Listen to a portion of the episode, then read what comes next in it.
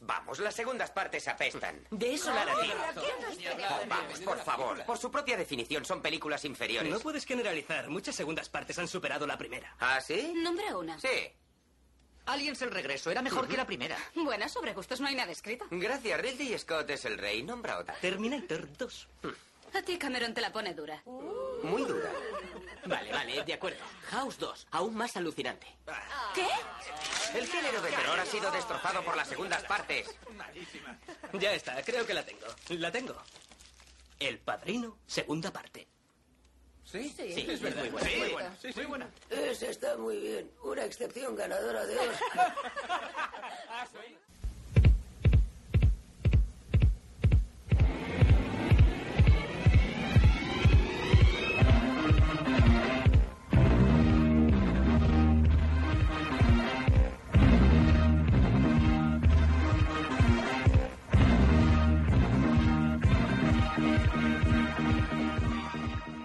Bon dia, bona tarda, bona nit, ja sabeu, depenent de l'hora que ens estigueu escoltant. Benvinguts al quart programa d'Això em sona, el programa, el podcast sobre remakes, seqüeles, còpies barates i de més futileses de Hollywood. Em dic Jacint Casademont i m'acompanya en Pau Garriga. Hola, Jacint, ben tornat. Com bé has dit, ja estem a la quarta entrega, qui ens ho havia de dir, de l'Això em sona, el vostre podcast preferit. Home, això també és molt dir. Home, sí, la gent que ens escolta pot ser el seu podcast preferit tranquil·lament. O com a mínim és el nostre. Quin remei, no? Ja que és nostre, menys que ens agradi. Exacte, ja que el fem, feu-ho de gust. Bé, Ah. doncs, com sempre, presentem les maneres de teniu de posar-nos en contacte amb nosaltres, que són, com ja sabeu, el nostre correu electrònic, que és això em sona podcast arroba gmail.com Jo em sé el Twitter, que és, que és divertit i fàcil, que és això em sona tot junt, i la primera A, canviar-la per una roba. I al Facebook, simplement buscant això em sona, el, la marmota que trobeu de color lila som nosaltres. I Jacint, el blog, El blog em sembla que és aixòemsona.wordpress.com. exacte, on cada dia us anirem posant petites píndoles del tema que tractem en el programa, on fem l'enquesta i on podeu deixar els vostres comentaris i opinions sobre tot el que parlem en els programes. I aquesta setmana toca esmolar les urpes. Aquesta setmana tornem als orígens. Vam començar parlant de superherois i aquest quart programa torna a parlar de superherois, d'un en concret. Des de, bueno, és que des de fa anys a l'estiu sempre hi ha pel·lis de superherois. Sí, són els blockbusters típics que venen, la gent aprofita que tothom està de vacances i que la gent té moltes estones lliures i suposo que les pel·lis de crispetes és quan més funcionen. Que és el que volies dir, em sembla que aquesta setmana toca parlar de Lobezno. Exacte, el personatge interpretat per Hugh Jackman, concretament parlant de les seves dos pel·lis on actua com a protagonista sol, que són X-Men Orígenes Lobezno i Lobezno Immortal, que s'ha estrenat fa res, fa una setmana i mitja escassa. Mm. Uh, dues pel·lícules que no sé per què les hem escollit, potser, però... Per dates, perquè... I pel personatge, crec. És llàstima de les pel·lícules perquè el personatge donava per molt, però realment són dos pel·lis bastant fluixes, les dues, una més que altra, però bastant fluixes. que a veure si es recupera la franquícia aquesta que té Fox als mutants a Marvel, perquè va començar molt bé, després es va començar a perdre pel camí i apunta que la nova que veurem l'any que ve sí que tornarà a ser una pel·li com Déu mana. Ja en primera generació vam començar a veure aquest petit repunt, perquè realment semblava que la pel·li és de X-Men, la decisió final, que la cosa no tornaria a pujar de cap manera i en primera generació molt bé. I Days of the Future Past pinta molt bé. Mm, S'haurà de veure, però de moment fa molt, molt bona pinta. Sembla una reunió d'exalumnes, quasi, perquè es reuneixen tots els càstings Sí, tu vas mirant, recordo quan començaven a sortir notícies de la pel·lícula, anaves mirant tal càsting per X-Men, i al final deies, no hi cabrà tanta gent, o sigui, no hi ha minuts de pel·lícula per tants actors, A mi el que em va bé és que tornen tots, menys James Marsden, que és encíclope. que aquest no torna. Pobret, què és, què és l'últim que vaig fer que vaig veure que havia fet? Superman Returns. Ah, exacte, exacte. Precisament, que mirant-ho va fer el pobret marit de la Lois Lane, que cornut i pagar el veure en aquest cas, pobre. És que tots els que salten d'actors de franquícies DC a Marvel passa alguna cosa. Perquè Ryan Reynolds també. Però Ryan Reynolds ha fet el pas al revés. Bueno, Ha sí. saltat, sí, és, bueno, en parlarem quan definim... No, parlem d'ara, ja diré. Ryan Reynolds és capaç de destrossar un personatge de Marvel, com és Deadpool, a la pel·lícula primera de Lobezno, i no content amb carregar-se una icona com Deadpool, se'n va a DC i es carrega Green Lantern. És un professional. Tot el que toca ho enfonsa. Fins i tot a l'Scarlett Johansson, que si estàs casat amb l'Scarlett Johansson, fes el que sigui per no divorciar-te. I no, el senyor, tres cagades grosses a la seva vida. L'únic que li funciona són les pel·lícules amb Sandra Bullock. No sé per què serà, serà perquè el nivell interpretatiu està a l'alçada del batum, però bueno.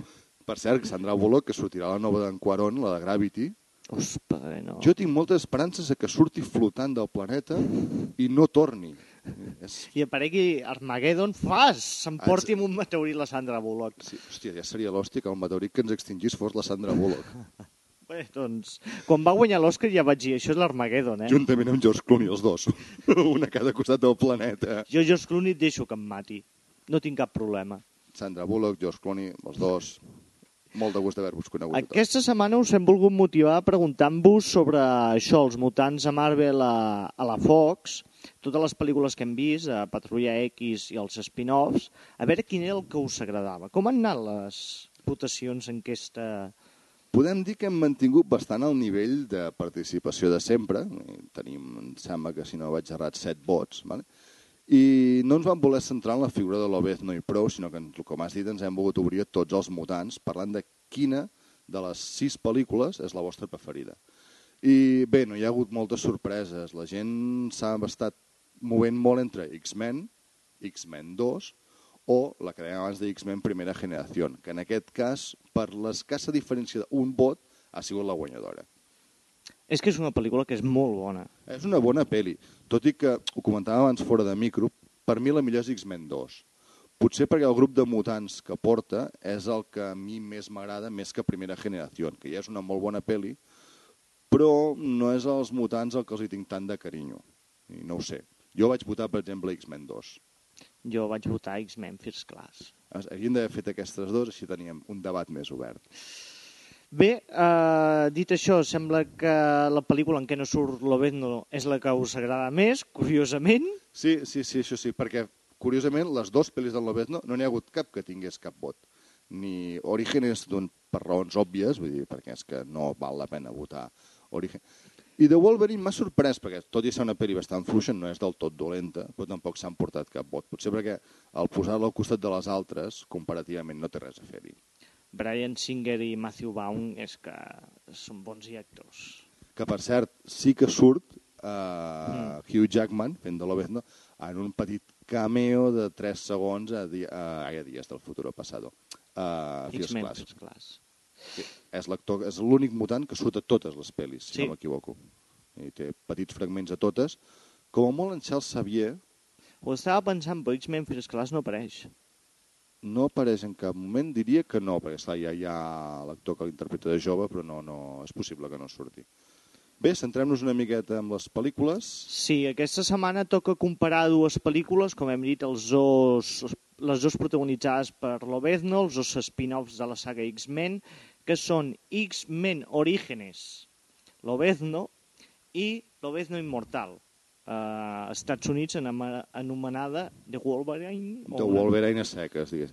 Que, per cert, X-Men Orígenes, Lobezno, té el nom tan llarg, perquè la Fox el que pretenia fer és anar fent, no sé si anualment, una pel·lícula de cada mutant.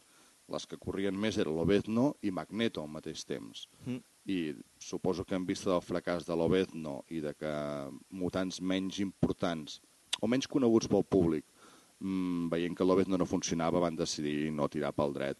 Perquè fins i tot es rumorejava una pel·li de Deadpool. Eh? Bueno, encara es rumoreja. Sí, però no crec que... bueno, Com a mínim esperem que en Ryan Gosling no hi tingui res a veure. No, Reynolds. Reynolds, Ryan Reynolds. O sigui, o Gosling Ryan no. Gosling sí, tampoc, eh? No, no, tampoc no donaria el pego, però bueno. Que jo vaig... Ho he estat intentant buscar, però no ho he trobat. Havia llegit que en els finals de crèdit d'Origen Mm. hi havia dos finals. El que es veu en, en Lobezno, a Japó, que lligaria amb The Wolverine, i un altre final on es veia en Deadpool Sí, sobrevivint a la Sí. destrucció de la central nuclear. Jo aquest no l'he pogut veure. jo el vaig veure per YouTube fa anys. Va, doncs jo l'he estat. Surto, vaig veure un tros final on l'Striker surt el troben caminant allà amb els peus sangrant, i l'altre amb en Lobezno. Però no he pogut veure aquest fragment, ja el buscaré per YouTube. Res, si em sembla trobo. que eren el, els escombros i apareixia el seu cap que obria els ulls i ja està. Eh? Mira, Era molt- mirarem si el trobem i us el penjarem al blog perquè el podeu veure. Doncs per on comencem? Per Hugh Jackman? Sí, bàsicament perquè ell és el, o sigui, el pilar central de tot. Hugh Jackman, que pel que tenim aquí, eh, abans de fer Origen, Abans, abans de fer X-Men Origin, a veure, ja, era, ja havia fet bastantes pel·lícules abans de fer Origen.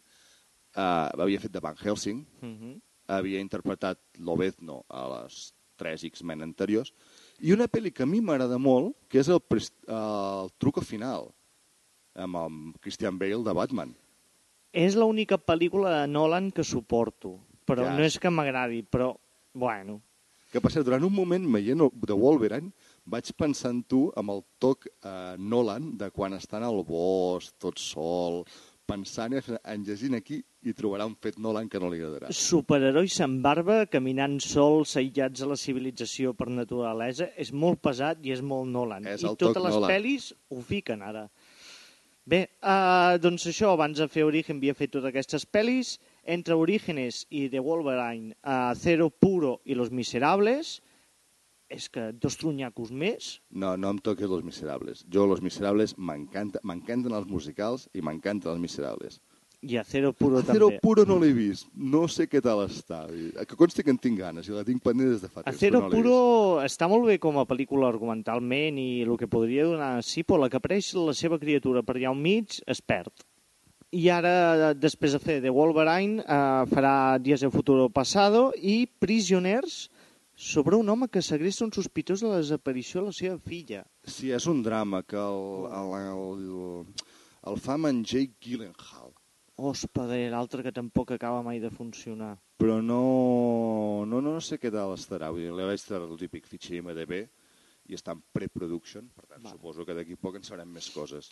Uh, parlem una mica del personatge que interpreta Hugh Jackman, que és Lobezno, que és un personatge que va fer la seva primera aparició, tal com tinc aquí apuntat, a The Incredi- Incredible Hulk, número 180, i és una creació de Lane Wayne i John Romita Sr. Apareix fugaçment al número 180 i on te fa la seva presentació oficial ja com a personatge, molt semblant al que coneixem de color groc, però amb la màscara diferent, és en el 181 ja, on es presenta, té el nom i tot, i és el típic groc que hem vist. La pregunta és, té el nom o aquí ja li deien Carcallú?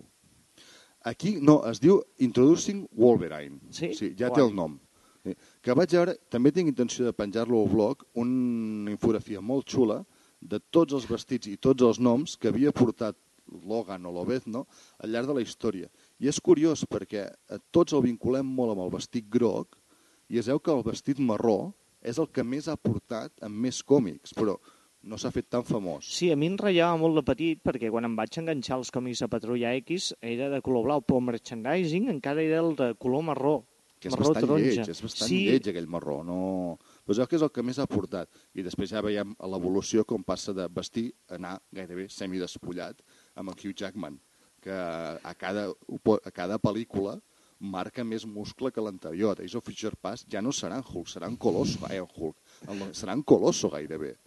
sí, és un actor que em sembla que barreja la interpretació amb la musculatura. Creu que és el mateix, no cal. No, a més a més, en aquesta, no sé si t'hi vas fixar, té aquelles venes Sí, xungues que fa fan un dit de gruixut que fot bastanta grima, pobre. I mira que Hugh Jackman, com a tio, és un pedazo tio bastant atractiu.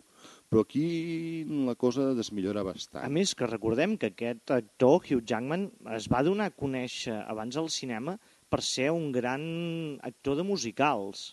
Home, és un gran ballarí i un gran cantant, amb Los Miserables, que ja ho ha de mostrar-ho, i amb la gala dels Oscars que us van penjar al Facebook de l'any 2009, on, a més a més de cantar, i balla molt i molt bé.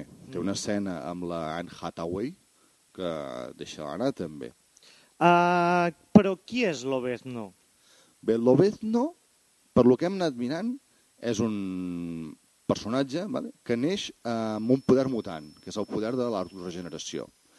I, a més a més, neix amb una malformació, se'n podria dir l'esquelet, que són unes urpes que li surten de l'avantbraç, que la, la majoria de gent es sorprèn de que la pel·lícula X-Men Orígenes surti amb unes urpes 2, perquè tothom relaciona les urpes de Lobezno amb la d'Amantium.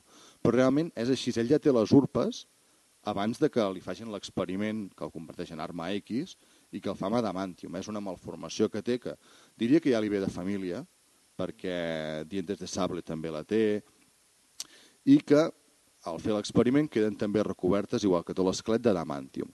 A part, perquè, bueno, amb la seva adolescència, que esclar, un dels problemes del factor de curació és que no saps l'edat que té en Lobezno. I em sembla que mm, havia posat que naixia als, als, al 1800 i pico. Mm.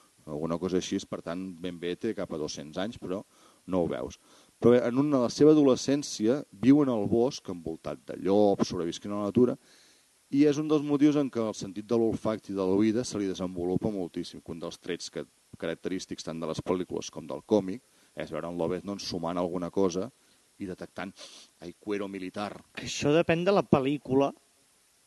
Bueno, Bueno, a totes en suma, el que passa és que en alguns moments en suma més o en suma menys. Això és una de les coses que em va molestar molt de la nova de Lobezno Immortal, que els seus poders depèn de com, ara sí, ara no, eh, Exigències del guió. quan li treuen el poder curatiu a la nova, Que això en parlarem, però per mi és... treu Eh... les urpes i no li fa mal. Exacte. I es regenera un altre cop tal qual, que dius, a veure, no, no... A més a més, jo, tot el que tenies entès tota la vida en Lobezno és que en ell el fan Arma X Mm. perquè és l'únic capaç de suportar el dolor de l'adamantium. O sigui, en el moment en què perd, potser no tot, però part del factor curatiu en aquesta última pel·lícula, s'hauria d'estar retorçant de dolor constantment.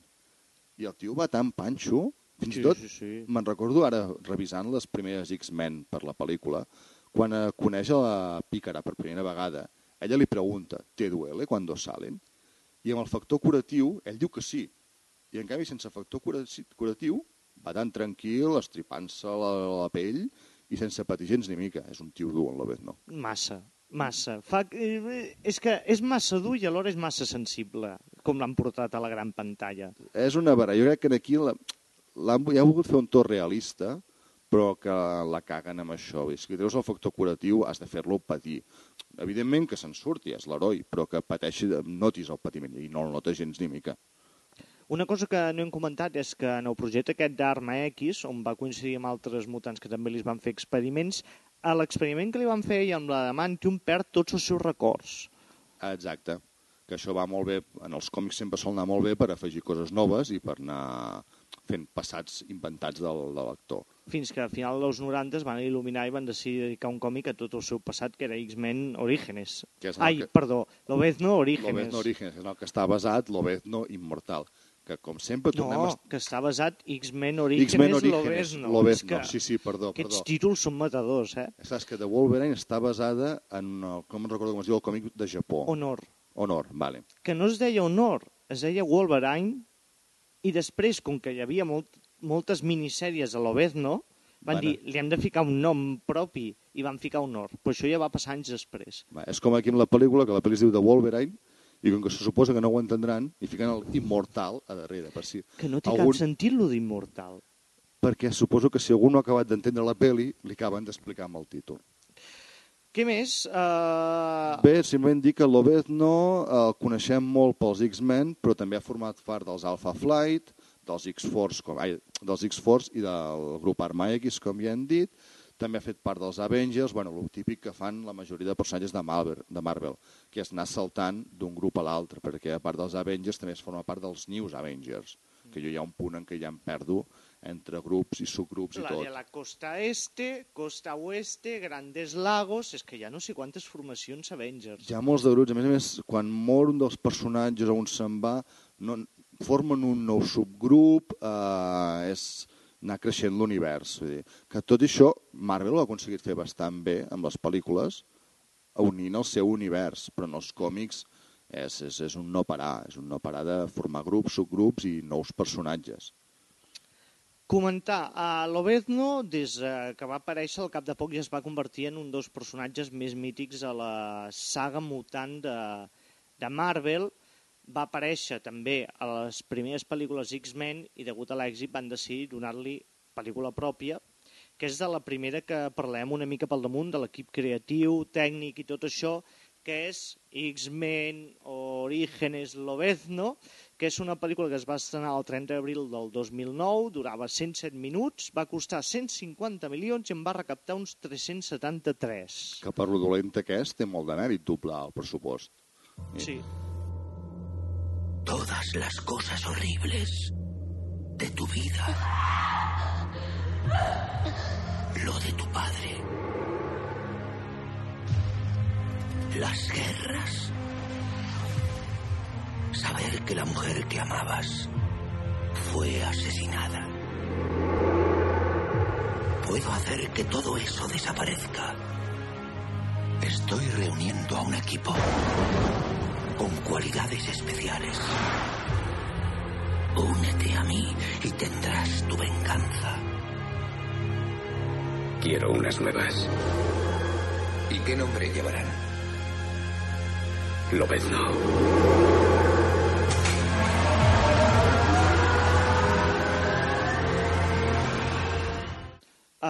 El director va ser Gavin Hood, eh, que abans havia fet la pel·lícula Totsi, que és una d'aquelles pel·lícules que va tenir molta repercussió en festivals, però que el gran públic li va sudar bastant la polla. No, bàsicament, sí, sí, drama personal d'un nen que, bé, total, va guanyar l'Oscar en millor pel·lícula estrangera, per tant, és d'aquelles pel·lis, el que dius, molt coneguda, molt de renom, però que no ha vist ni Cristo. I després, pues, poca cosa ha fet, fins ara que sembla que estrena el Juego de Ender, l'adaptació d'Orson Scott Card, que em feia molta por, el que he vist de moment m'ha agradat molt, és un llibre, bàsicament si han d'adaptar la saga d'Ender és l'únic llibre que poden adaptar, perquè la resta se'n van ja molt a tocs filosòfics i així.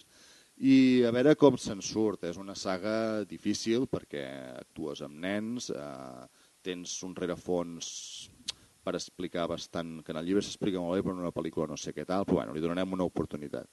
I curiós que va ser Hugh Jackman qui va apostar per Gavin Hood, suposo que després se'n devia, devia maleir els ossos per fer-ho, perquè va veure Tutsi, eh, Totsi, perdó, no la confonem. amb Dustin Hoffman travestit. Hoffman, exacte. I va veure el drama de- d'aquest nen que comentàvem i va dir que Lobezno també tenia un drama personal interior i que ell sabria capaç de reflectir-ho. Que el drama potser el reflecteix, però el reflecteix en la cara dels espectadors quan estan veient el trunyo de pel·lícula que ens fan empassar, perquè, Amics, recordeu, si el protagonista recomana un director, mai s'ha d'agafar. Mai. posem Hugh, ai, Hugh Jackman, Gavin Hood, X-Men Origen Lobezno com a clar exemple. Uh, Te'n trec un altre molt ràpid. Robert Downey Jr., uh, Iron Man 3, uh, en Black. Sí, sí, sí, seria... No. Potser no arribarà al nivell de Lobezno, No, perquè però- la pel·li Iron Man 3 per mi tot i ser la més fluixa és resultona, però sí que estem d'acord amb que... I que tu vegis un drama funciona, no vol dir que la teva pel·li també funciona. Tothom té un cop de sort, perquè Gavin Hood també va fer Expediente Anwar, amb en Jake la Gyllenhaal, un, thriller, res, mm, passa palabra i saltem. Esperem que Mender pugui, pugui millorar una cosa. Acompanyant en Hugh Jackman a la pel·lícula tenim en Liv Schreiber, que costa Cognom de difícil de... sí. En tenim dos aquesta setmana. Aquest i el personatge que fa de Viper, de Wolverine, que deixa't anar també. Aquest senyor fa el personatge de Dientes de Sable, abans havia fet les pel·lícules de Scream, la 2 i la 3, la Profecia, el remake aquell El remake. horrorós, i després ha fet Repomen, Movie, Movie 43, ho dic així mig català, mig castellà, mig anglès, i Ray Donovan, que és la nova sèrie que ha estrenat aquest any. Que jo no l'he vist encara, la tinc pendent, però n'he sentit a parlar molt bé. M'han dit que arriba a ser un estil, entre cometes, eh? fent d'un personatge com a Gandolfini a Los Soprano. Mm. No sé, un personatge que arregla problemes, cap de la màfia... Bueno, cap. Em sembla que és fill del cap de la màfia, però que el pare està... La... Bueno, que la deixen bastant, bastant bé. Jo et diré una cosa, si admiro aquest home per alguna és perquè es xuscava o es xusca la Naomi Watts. Em sembla que encara ho fa. Encara ho fa, molt ben fet. Sí, sí, sí, sí és un És el paper a la teva vida, nen. No com en Ryan Reynolds, que no, no va saber ni aguantar una dona com la Scarlett Johansson. Que, per cert, també aquest, el personatge de Des de Sable, ara no recordo qui l'interpretava, però ja havia sortit a, les primer, a la primera X-Men. Era un lluitador de wrestling d'aquell. Sí, era un paio molt gros, perquè treia com dos pams en a Magneto.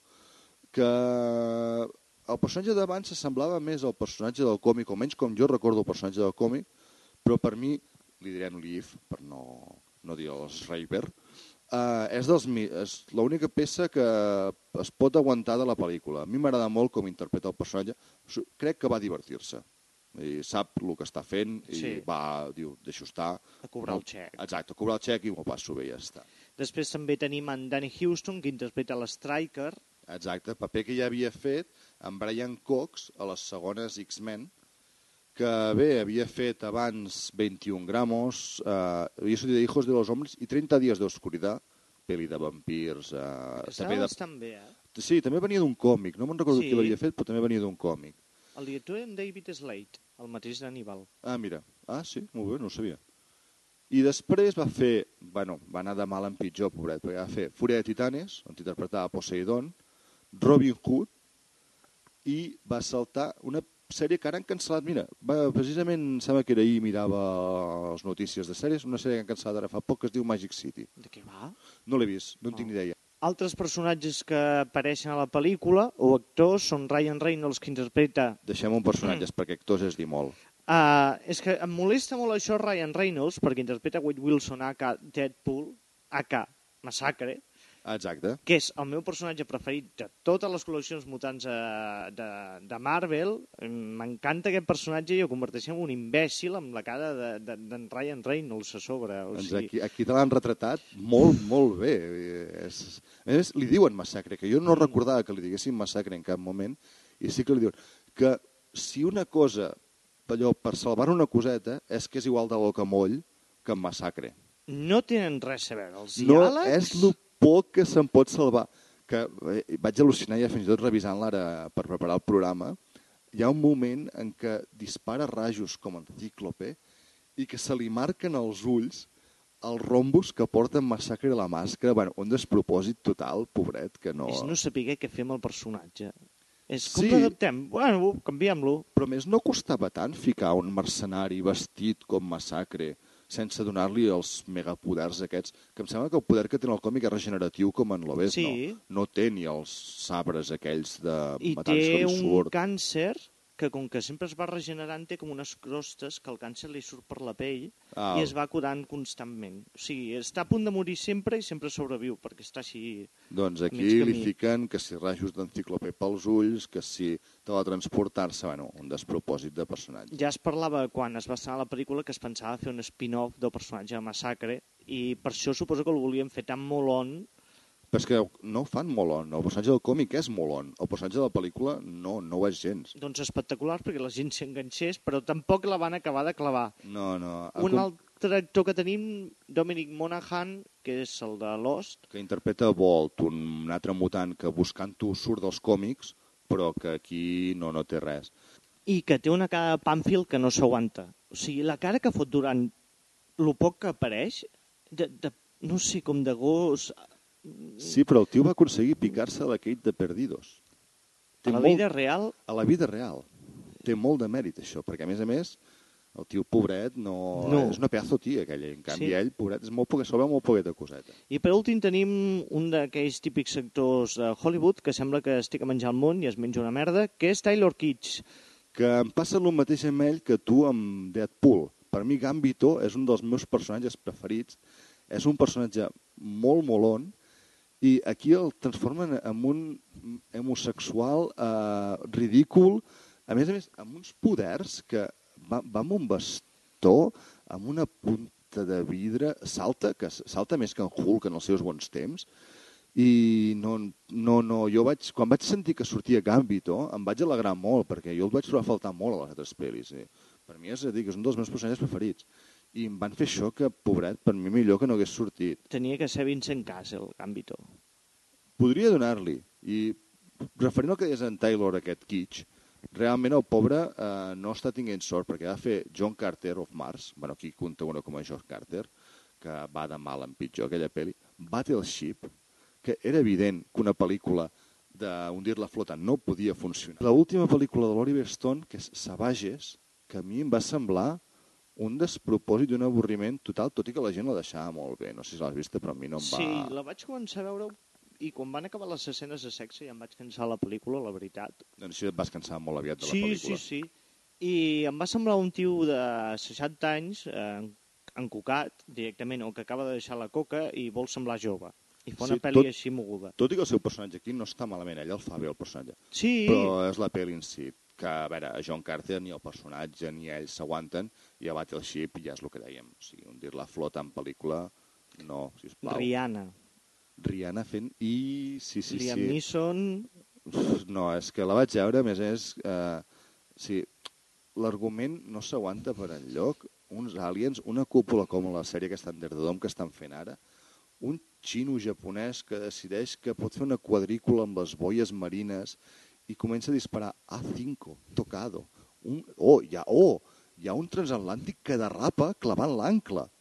Que això ja passava a Speed 2, si te'n recordes Ostres, no me'n recordo. amb la Sandra Bullock, fer girar un transatlàntic clavant l'ancle, desafiant completament les lleis de la física i fent un espectacle lamentable on, bé, Taylor Kitsch, aquest senyor va interpretar Gambito.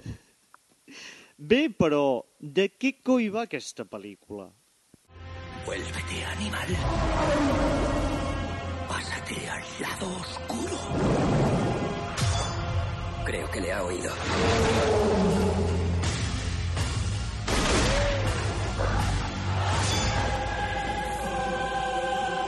Tranquilo, le detendremos. Gasto 500 millones de dólares en hacerle indestructible. Yo sé quién eres, Gambito.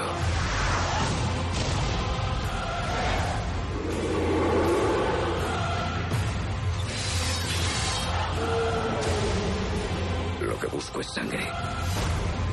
No reglas de conducta. Ni una ley.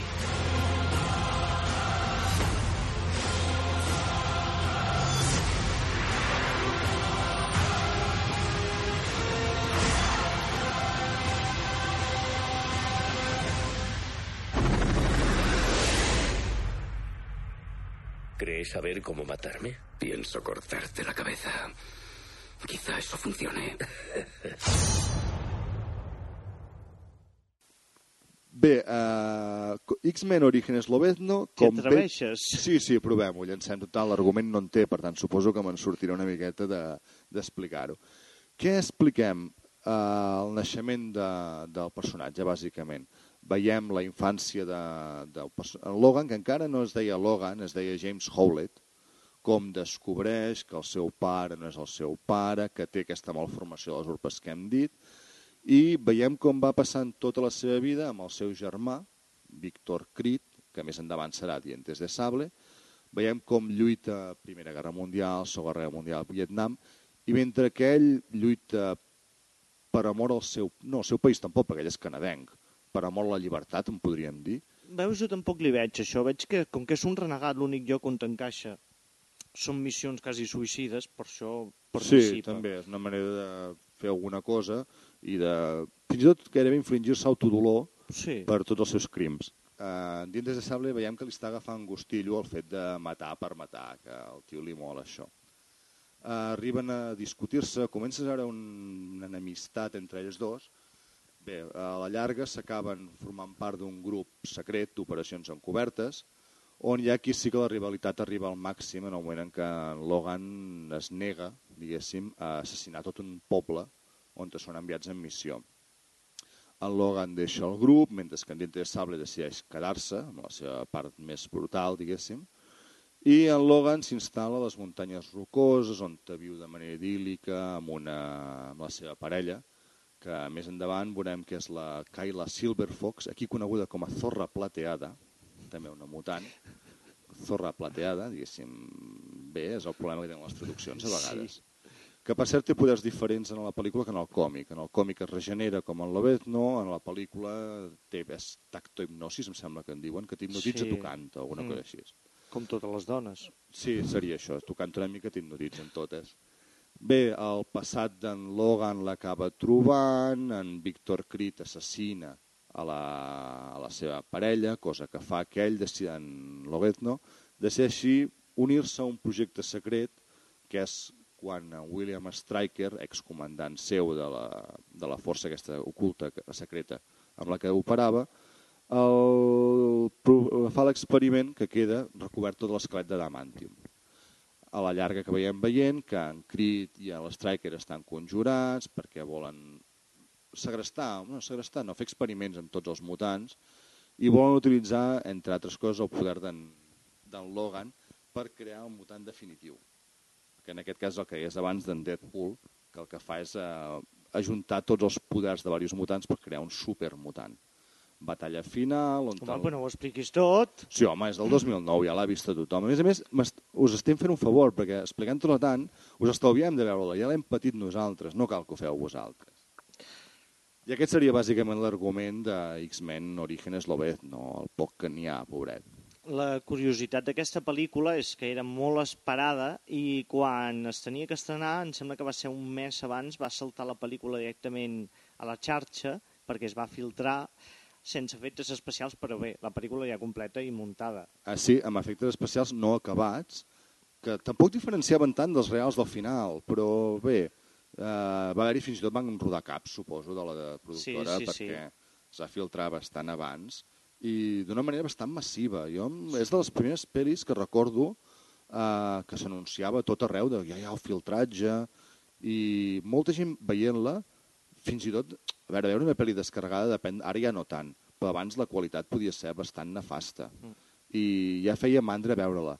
Però és que la gent la veia tot i saber que els efectes especials no estaven acabats. Però és que el millor és que hi ha gent que diu que és millor sense efectes especials que amb efectes especials. Això ho vaig arribar a llegir, que és més entretinguda, que la mires i dius, ah, mira, aquí deuen ficar això, aquí faran allò... És que com a mínim té algun interès la pel·li d'aquesta manera, és buscar eh, com van fer el croma, i aquesta, perquè realment, sí, bé, deixem-ho estar. Passem a The Wolverine o Lobezno Inmortal. La eternidad puede ser una maldición. Con todo lo que has sufrido, un hombre puede perder su razón de vivir, su razón de ser.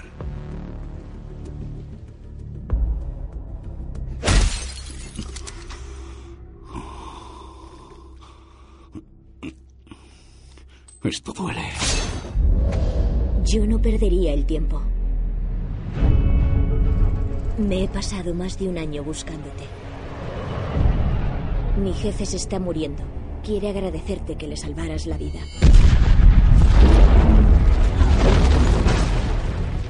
Es un honor conocer a Lobezno. Ese ya no soy yo. Doncs eh, aquesta nova pel·lícula Lobezno s'ha estrenat aquest 24 de juliol de 2013, dura 126 minuts, ha costat 120 milions i de moment en porta recaptat uns 160. El director James Mangold, que per qui no ho sàpiga és el mateix de Inocencia Interrompida, El tren de les 3.10 i Noche y Día. El ten- gran remake, a mi em va agradar molt. Tren Molt bona. I Noche i Dia, a més, em fa gràcia, perquè el títol original és Night and Day. O sigui, Guerrero sí. i Dia. I aquí no sé com es va perdre la, la K i ja va ser Noche i Dia. Sí, és una curiositat que mai s'ha explicat d'on te surt.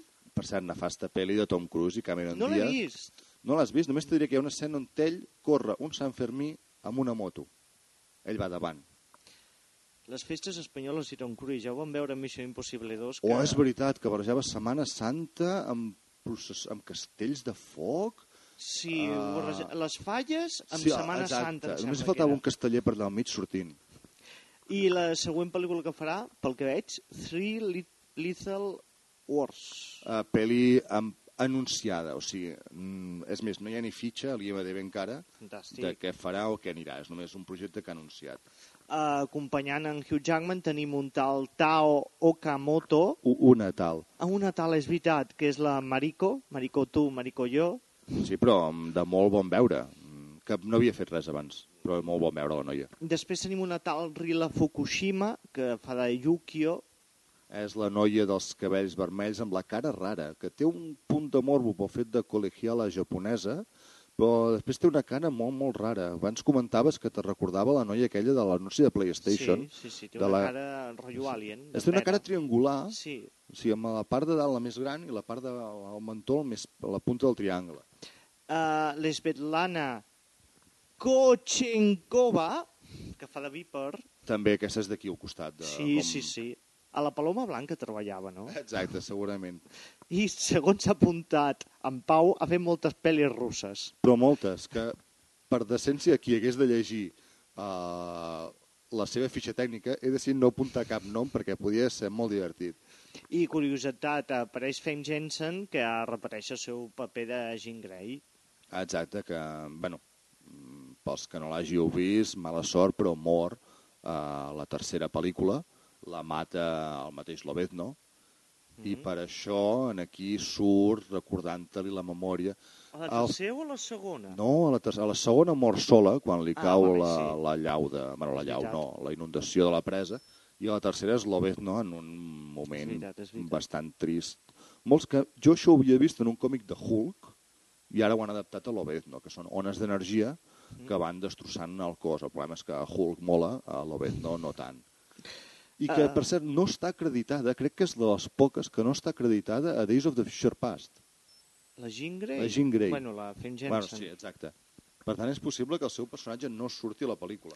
Doncs ja en tenim dos que, apare... que no apareixeran, James Marsden i la senyoreta Fame Jensen, curiosament que eren parella la primera, Sí, com a personatges. com a personatge, que és possible que surtin de sorpresa o que no es vulguin... Perquè en aquí no es va saber fins al primer tràiler. Sí. Corria el rumor de que algun personatge antic dels X-Men sortiria, però en cap moment es van dir quin seria i acaba sortint el primer tràiler. molt, molt. Molt, no, no, no, és un, no és un cameo, és un, és un moment, o sigui, surt Sí, totes les estones que el Lobezno es fica a dormir, la senyoreta apareix, tant sí com no.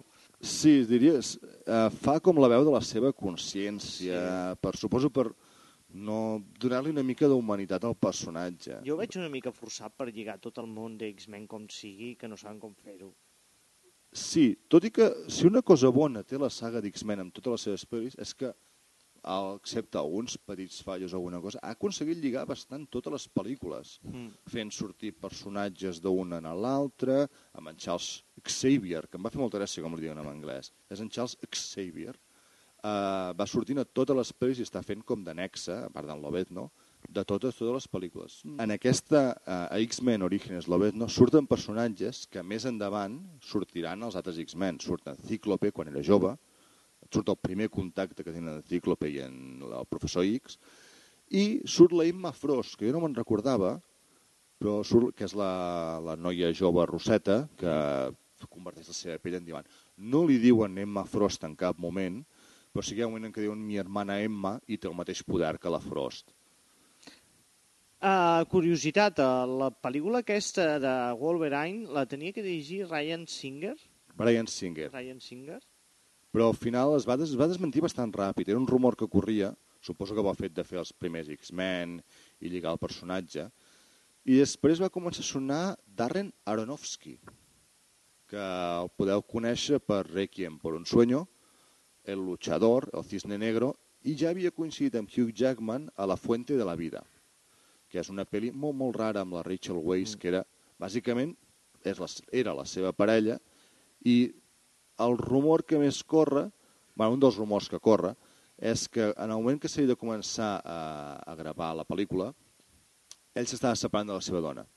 I com que tenia que estar a Japó filmant lluny molta, molta estona, no volia estar tan lluny perquè estava lluitant per la custòdia del seu fill, etc. Drames maritals que van fer que al final fos Mangold qui dirigís la pel·lícula. Mm, En realitat diuen que el senyor Aronofsky tenia molt clar que l'únic mutant de tota la pel·lícula, igual que en el còmic, tenia que ser Lobezno, i que Fox va insistir perquè apareixin, apareixessin més mutants, el samurai aquell de plata... Samari de plata és del pitjor de la pel·li. Sigui, Fox va voler-ho fer més comercial i ell tenia una visió molt austera, molt realista de la pel·lícula. que segurament hagués funcionat bastant millor del, del despropòsit que ha sigut.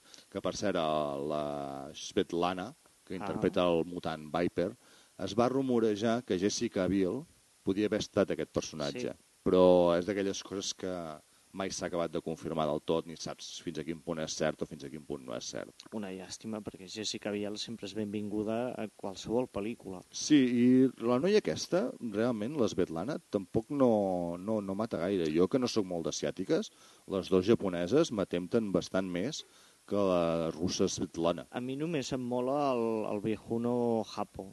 Em dóna un morbo veure-la tot el dia tombat i després enfundant-se aquell traje. Uns gustos, gustos molt, molt estranys per aquí. Doncs, si vols, entrem a, a fer comparacions, a destripar... Sí, eh, ja hem resumit una mica les pel·lícules. Eh, entrem a això. Què ens ofereix X-Men Orígenes? Una visió de com neix el personatge, eh, una bona primera part de pel·lícula, si la pel·li dura una hora i mitja llargueta, té una mitja hora bastant acceptable on se'ns mostra l'origen d'en Lobezno, les seves motivacions, i fins i tot ens comença a marcar el seu caràcter, però després la peli va perdent, va perdent cada vegada més fins al punt on li fiquen l'esquelet de Diamantum i ja comença un despropòsit de Lobezno conduint una moto i fent-la frenar amb les urpes, llançant-se eh, contra un helicòpter, lluitant a dalt d'una central nuclear. Per què collons puges a dalt d'una central nuclear a lluitar si tens tot un terreny pla a baix? És, és, no sé, la pel·li comença a perdre moltíssima mesura que va passant el metratge. Per mi potser el problema o gran problema d'aquesta pel·lícula és això, que volen fer la pel·li tan xula i espectacular que a vegades eh, s'obliden potser de que té una història prou bona amb el personatge explicant els seus orígens i els seus traumes. O sigui, sembla que sempre més, a més, a més. És que intenta, és això, és, és, és, com, comparteixo exactament això que dius. O sigui, no cal fer una escena on ell surti disparat d'una moto que explota per anar a saltar sobre un helicòpter en marxa i fer-lo caure amb les urpes. Amb el personatge sol, amb molt més, ja aconsegueix, amb X-Men 1 i X-Men 2, és molt millor el personatge de Lobet, no? sense tant d'espectacle ni tantes explosions. I aquí era mm, com més gros millor, i no és així. No? A més, recordem que Lobezno, el còmic, eh, queda molt bé com a secundari quan està en una formació, en un grup, mm -hmm perquè és un personatge així com renegat, molt amb, amb mala llet, que sempre està a punt d'explotar i tal. Allà queda bé com a secundari, igual que les pel·lícules X-Men quedava bé com a secundari. No, no, no, completament d'acord, com a... No, un dels pilars, però no el, el nucli de l'acció o el centre. I en canvi, sempre que li han donat còmics en solitari, a l'Obezno, l'han fet que és un personatge molt renegat i que s'intenta allunyar de la humanitat. En canvi, aquí o sigui, es busca xicota, es fa llenyataire. Tu creus que un tio que té aquests poders es dedica a aixecar-se a les 6 al matí per anar a treballar, tallar llenya? Home, si a més de tallar amb una destral, quan amb les seves urpes podia fer-li un cop i tallar-los, però bueno. Immortal adopta el còmic d'honor de, de Wolverine, on mm, bé, viatja a Japó per un antic... És que jo no he llegit el còmic, no sé si s'assembla bastant l'argument o no. És per la Mariko. Va ja com ajudar la Mariko, que és una antiga man seva. Ah, val. Si ja coneix la Mariko, que aquí no, és aquí se n'enamora, amb un enamorament que dura, o sigui, la noia passa de trobar-lo un home de les cavernes brut i horrible a bueno, mm, baixar-se les calces al cap de, de dos minuts de pel·lícula. És que és el guardaespaldes, la peli.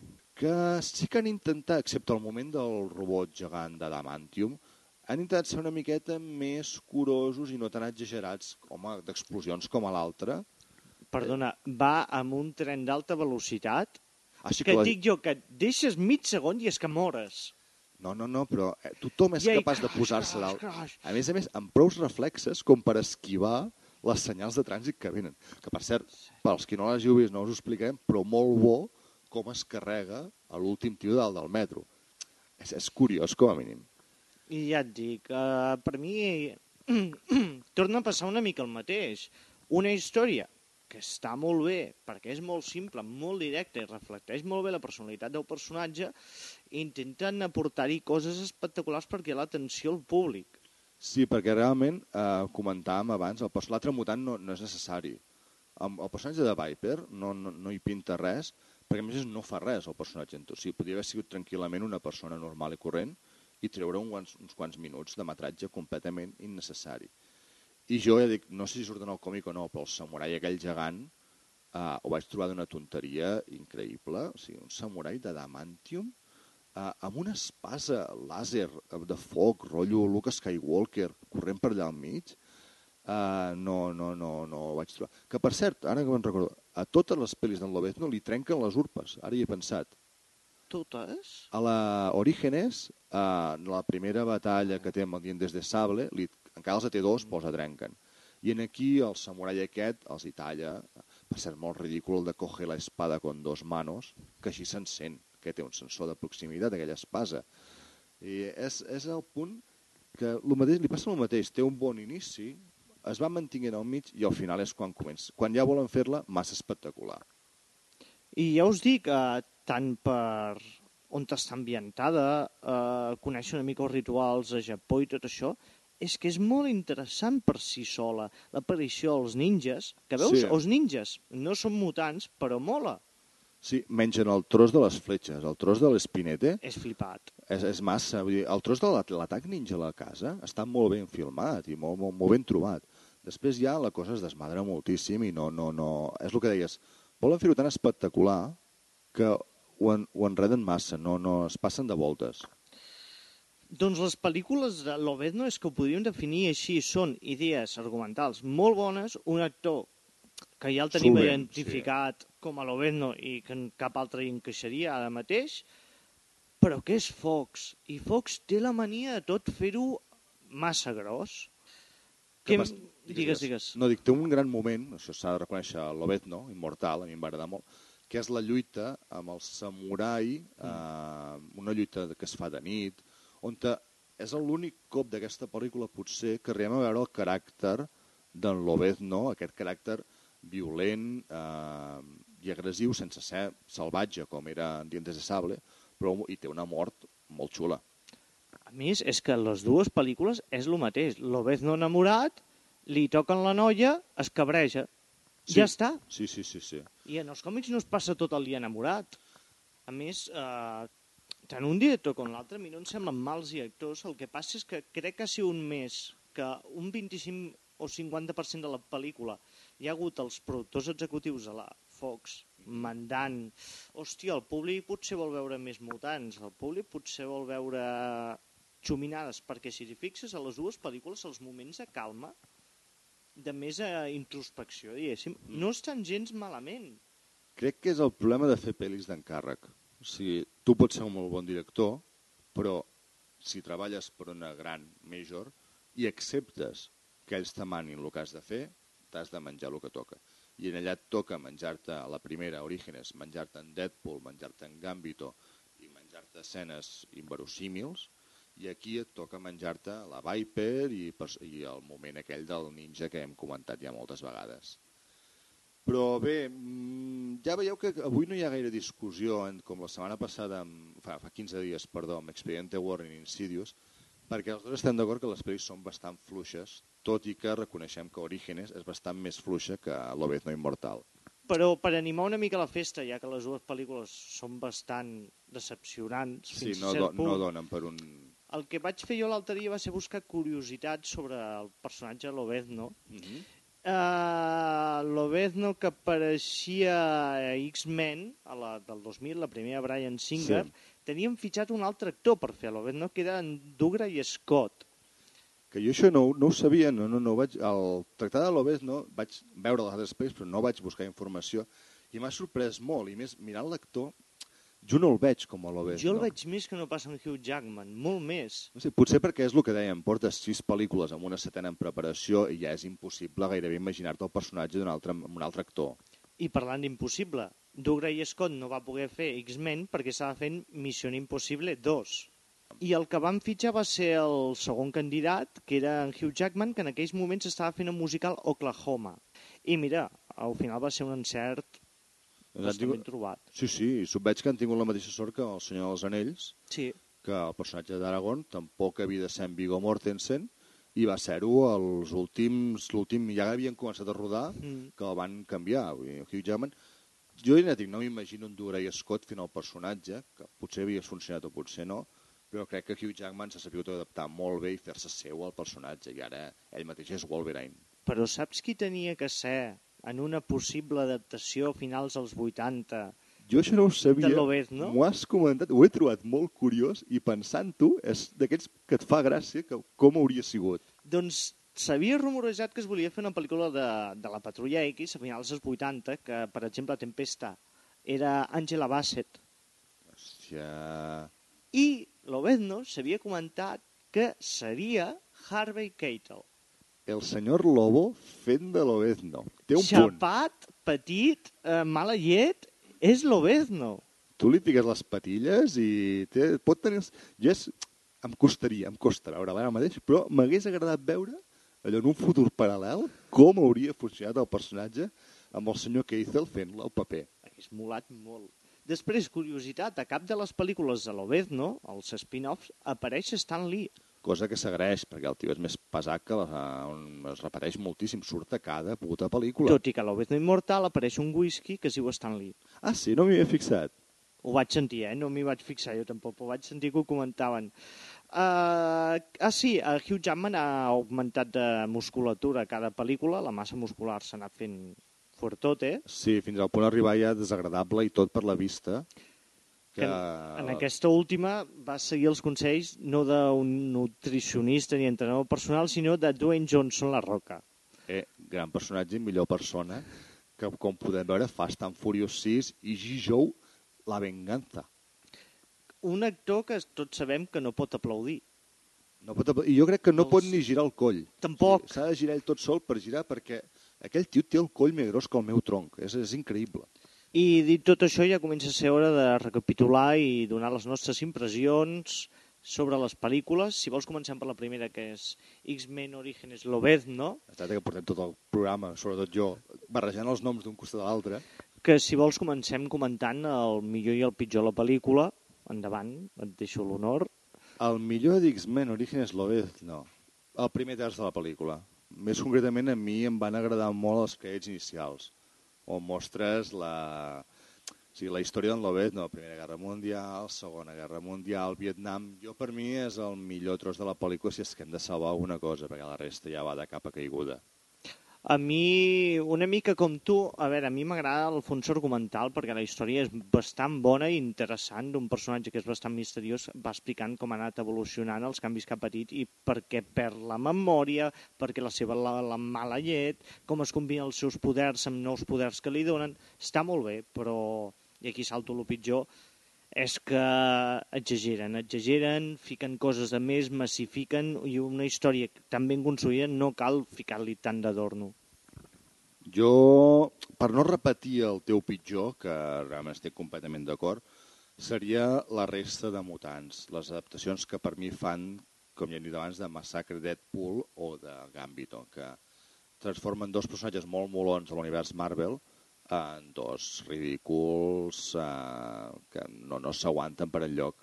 I bé, ara t'has de mullar tu i és eh, l'Obezno Immortal, millor i pitjor. L'Obezno Immortal potser el millor és, per trist que sembli, és l'ambientació a Japó, que és agafar un còmic de superherois, però per primer cop veiem un personatge fora de, del seu lloc habitual. Que Dels això- Estats Units. Sí, que mola. o sigui, uh, és el que mola, no? El contrast entre Mm. una cultura molt diferent a la que té el personatge i com hi encaixa altres fons que tampoc s'aprofita de que sigui un Ronin, ell, que en el Mm. còmic s'explota molt més. O sigui, tot això trobo que està molt ben portat.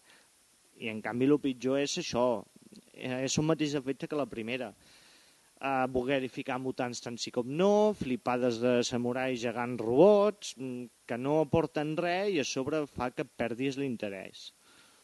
Jo, per mi, el millor, l'un- el que es pot salvar, deixant de banda que la pel·li és entretinguda, eh? no mata, però és entretinguda, és que ja l'he comentat abans una mica, em sembla, la baralla que té amb el fill del pare, del patriarca japonès, que ell és un samurai, la Lobez no va amb les urpes, i és una bona baralla, ben, ben, ben feta i ben resolta. I a mi al final m'agrada molt. I el pitjor estic completament d'acord, vull dir que jo faré cari als robots gegants, uh, la Viper, que és un personatge que no té cap mena de sentit que hi sigui. Per cert, parlant d'això de X-Men... Ai, X-Men, de l'Obezno Immortal, saps què m'ha vingut la idea al cap molt boja? Ai, Seria l'Obezno, en lloc d'anar a Japó, anar a un clan gitano. Lo ben immortal... No sé, has parlat de patriarca i he pensat, hòstia, molaria molt amb gitanos. Jo crec Amb que el navalles. desollarien viu per vendre l'adamantium a pes. Seria És una... veritat. Tengo adamantium caído d'un camió, caído d'un camió. Ara ja ens hem tirat a sobre tots els oients de... que poguessin tenir, ens els hem tirat a sobre. Bé, notes. Exacte. Uh, jo X-Men Orígenes Lobezno ho tinc bastant clar i és un 4. Coincideixo Sobre completament. Sí, sí, no, no prova ni de casualitat. Vull dir, I el 4 el guanya pel primer test de la pel·lícula. Perquè Sí, perquè té detallets que dius podria haver sigut molt millor, que encara la fa pitjor. Veure detalls que dius és que podria haver sigut millor. Sí, podria ser una, pel·li baixa. I en canvi X-Men... Ai, jo, tinc X-Men al cap, no, no, eh? sí, és que és complicat parlar de l'Obezno sense pensar en venir amb X-Men al cap. L'Obezno Immortal, en canvi, li fico un 6 sobre 10. Mira, aquesta setmana coincidim completament amb les notes, perquè jo també és les que havia pensat, perquè no, arriba, no té nota per arribar al 7 ni de casualitat. Tampoc suspèn, per tant, la deixem amb un, amb un B, un intermig, que és una pel·li entretinguda, molt millor del que podia ser, però bastant més fluixa del que era. I bé, de cares a d'aquí 15 dies, què tenim? Oh, espera, que no ho trobo. Conan? Ens n'anem a Conan, sí, perquè no hi havia estrena grossa per fer i hem tirat de calaix. I bé, Jason Momoa contra Arnold Schwarzenegger. Jo m'he vist les dues i la veritat és que cap de les dues m'ha decepcionat. Sí que la primera Conan és molt mítica, però la segona Conan, bueno, la nova versió de Conan, també em va agradar bastant. O sigui Jo que... no he vist encara la nova versió de Conan. Eh, tinc molt mitificades les antigues. És possible que quan les vegi ara mmm, pensi que no han envellit gaire bé, no ho sé, t'ho diré. Quan No, les, es mantenen molt es bé. mantenen bé. I el Jason Momoa, aka Khal Drogo, que avui podem veure a Juego de Tronos, no l'he vist. El tio dona el pego físicament com a Conan, crec. Ara, que per cert, s'està, podíem esperar ja gairebé la temporada següent, sí, no? perquè corre el rumor de Conan Rei o així, que amb en Schwarzenegger com a Conan. I que diuen que serà potser una trilogia. A veure Again. què tal. Que a veure què és el que s'insinuava al final de la segona, sí, em sembla. que estava pujat en un tro. És a dir, la veu en off també és pegant. Ja en parlarem d'aquí 15 dies amb el nou programa, que deixem els herois de ciència-ficció per als herois de capa i espasa i literatura fantàstica, Mm. basats en còmics també, igualment.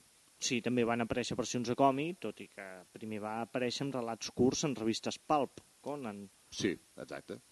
Doncs res, uh, gràcies per ser-hi, senyor Pau. Igualment, Jacint, i a vosaltres per escoltar-nos. I us recordem, com sempre, que estem encantats de rebre els vostres comentaris, els vostres likes, els vostres compartits i tot el que voleu fer per donar a conèixer el nostre petit podcast que fem molta il·lusió cada 15 dies. Ja sabeu, això em sona, un programa de cada 15 dies on parlem de seqüeles, remakes, còpies barates i altres merdes a Hollywood que no té imaginació i nosaltres ho, ho acabem d'explotar. Exacte. Bé, bona nit, bon dia, bona tarda a tothom. Ens veiem d'aquí 15 dies. Fins al Jacint? següent programa, Pau. Fins al següent programa. Adeu. Ya no me curo como antes. ¿Qué me pasa? ¡Ah!